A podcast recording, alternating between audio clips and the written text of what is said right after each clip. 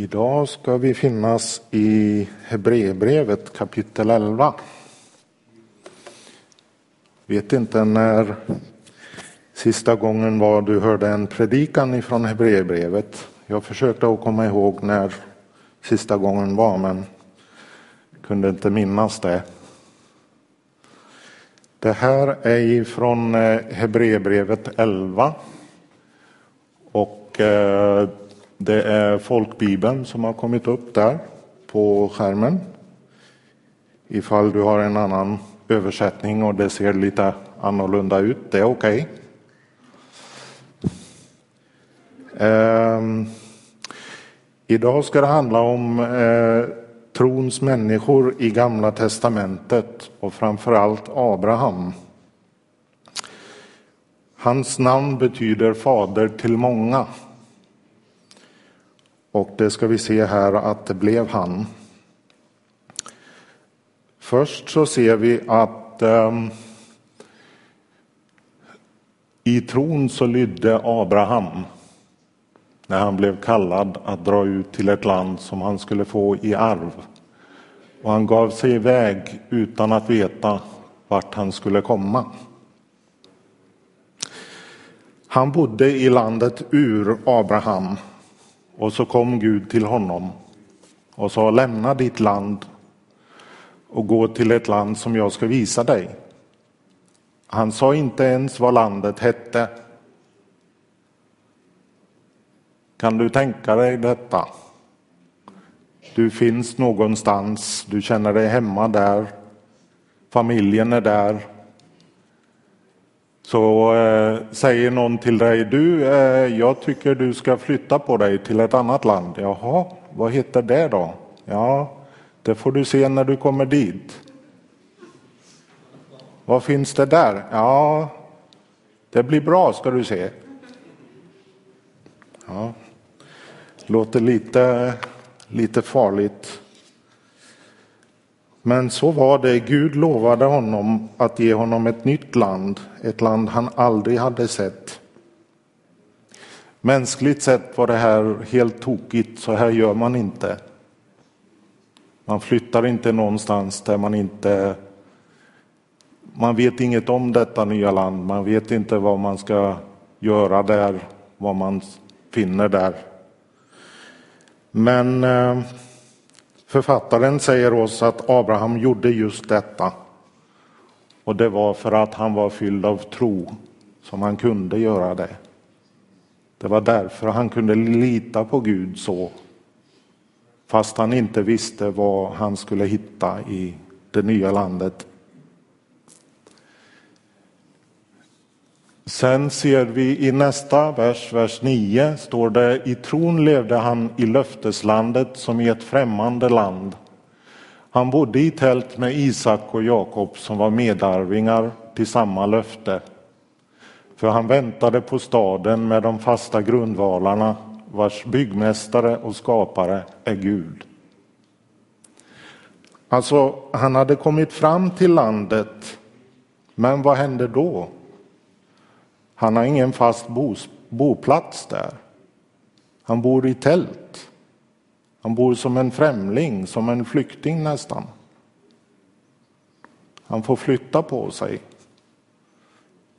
Vet inte hur pass välkommen han var. Det låter lite som att han var inte riktigt välkommen. Vad, vad, vad tänker man då som Abraham? När man har lämnat sitt hem bakom sig, kommit till ett nytt land där Gud har kallat en till och sen hamnar man där och man är inte välkommen. Man har ingen fast plats. Vad, vad händer då? Eh, ger man inte upp då?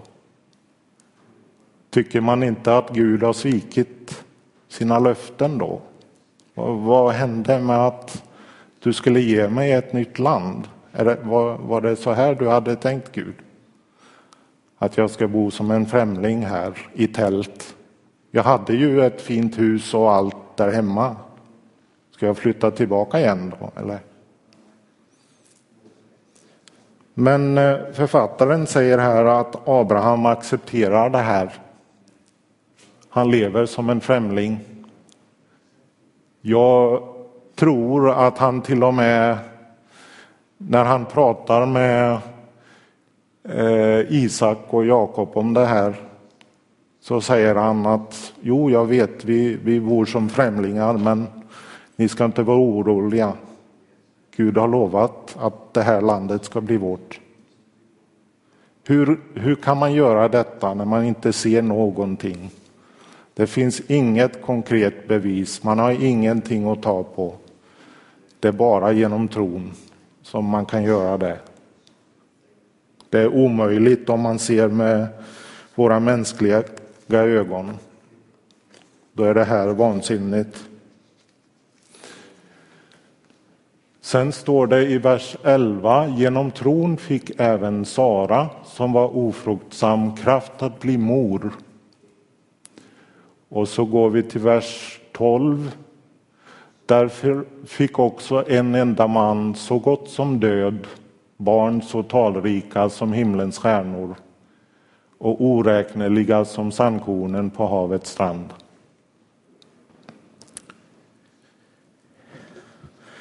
Gud hade lovat massor med avkomlingar.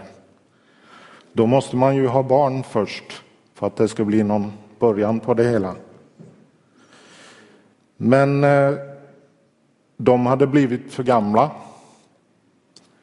Eh, först hade de försökt att liksom hjälpa Gud på traven.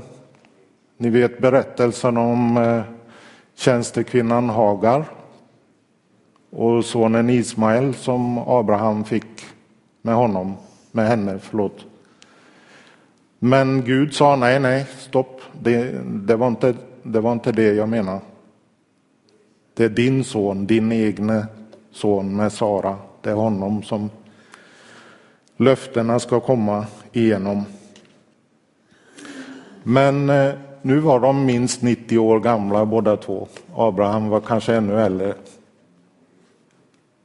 Går det då att tro att man fortfarande ska få barn? Inte mänskligt sett, det är helt, helt omöjligt. Men eh, det kunde Sara och Abraham genom tron. Så kunde de fortfarande tro på Guds löften fast det verkar helt omöjligt.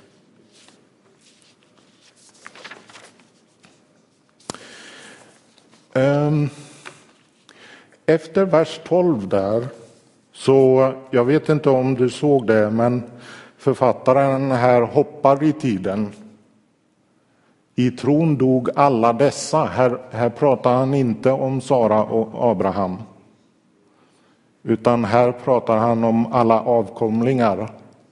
Han har, han har hoppat i, i tiden ganska, ganska långt.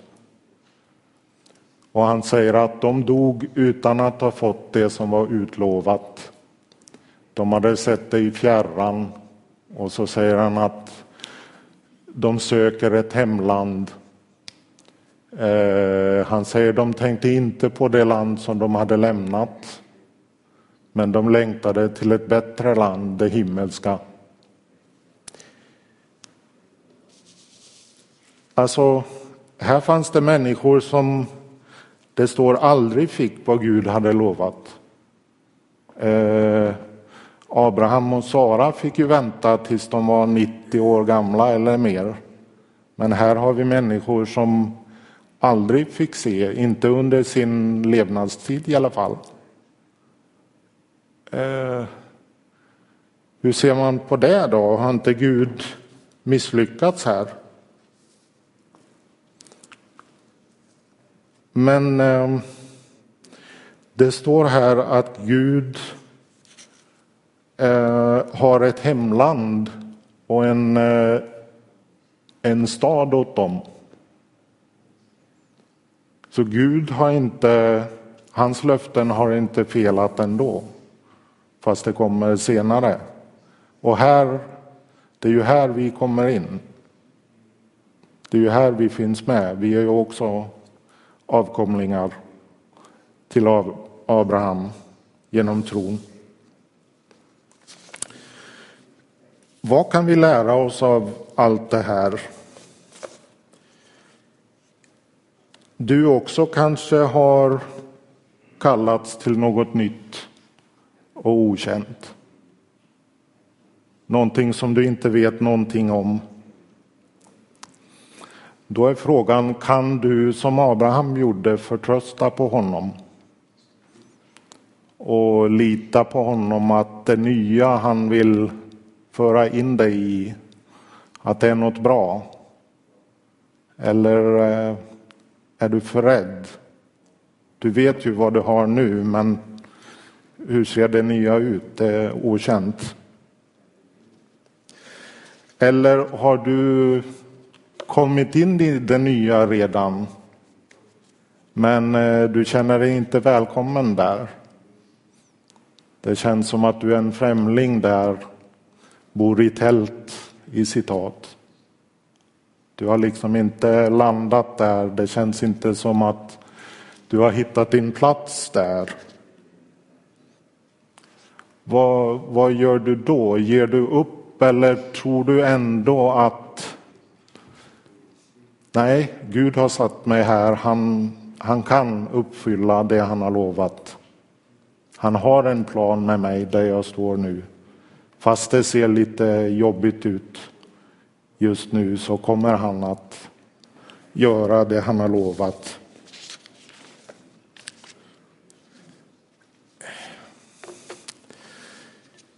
Jag vet inte om du väntar på en son som Abraham och Sara gjorde. Men eh, jag tror det kan vara så att du väntar på något slags resultat. Du väntar på någonting som Gud har lovat. Och det har liksom dröjt med svaret. Du kanske har börjat tro att det är för sent nu. Det kanske ser helt omöjligt ut mänskligt sett. Men eh, jag vill uppmuntra dig att i tro fortfarande tro på att Gud kan göra det han har lovat. Det är inte för sent för honom. Till sist så i motsats till eh, de här avkomlingarna som det talas om som dog innan de fick se hemlandet. Vi är ju inte i den situationen. Vi har ju möjligheten att hitta vårt hemland redan här. Att hitta vår plats i Gudsriket. Där vi har, hör hemma. Eh, vår fasta punkt som vi har oavsett var vi bor i världen. Men eh, jag tror att vi behöver den här påminnelsen som finns här om att det här landet finns inte här på jorden. Det är inte ett jordiskt land. Det är ett, det är ett himmelskt land och en himmelsk stad som han har kallat oss till. Jag tror ibland vi behöver den påminnelsen för vi blir lite för rotade vid det jordiska. Men jag hoppas att eh, du idag längtar till det himmelska landet och den himmelska staden. Och dit är vi alla inbjudna. Det, det är ett hemland där alla är välkomna. Man behöver inte ett pass för att komma in dit. Inte några visum. Det är bara tron på Jesus som ger möjlighet att komma in där. Amen.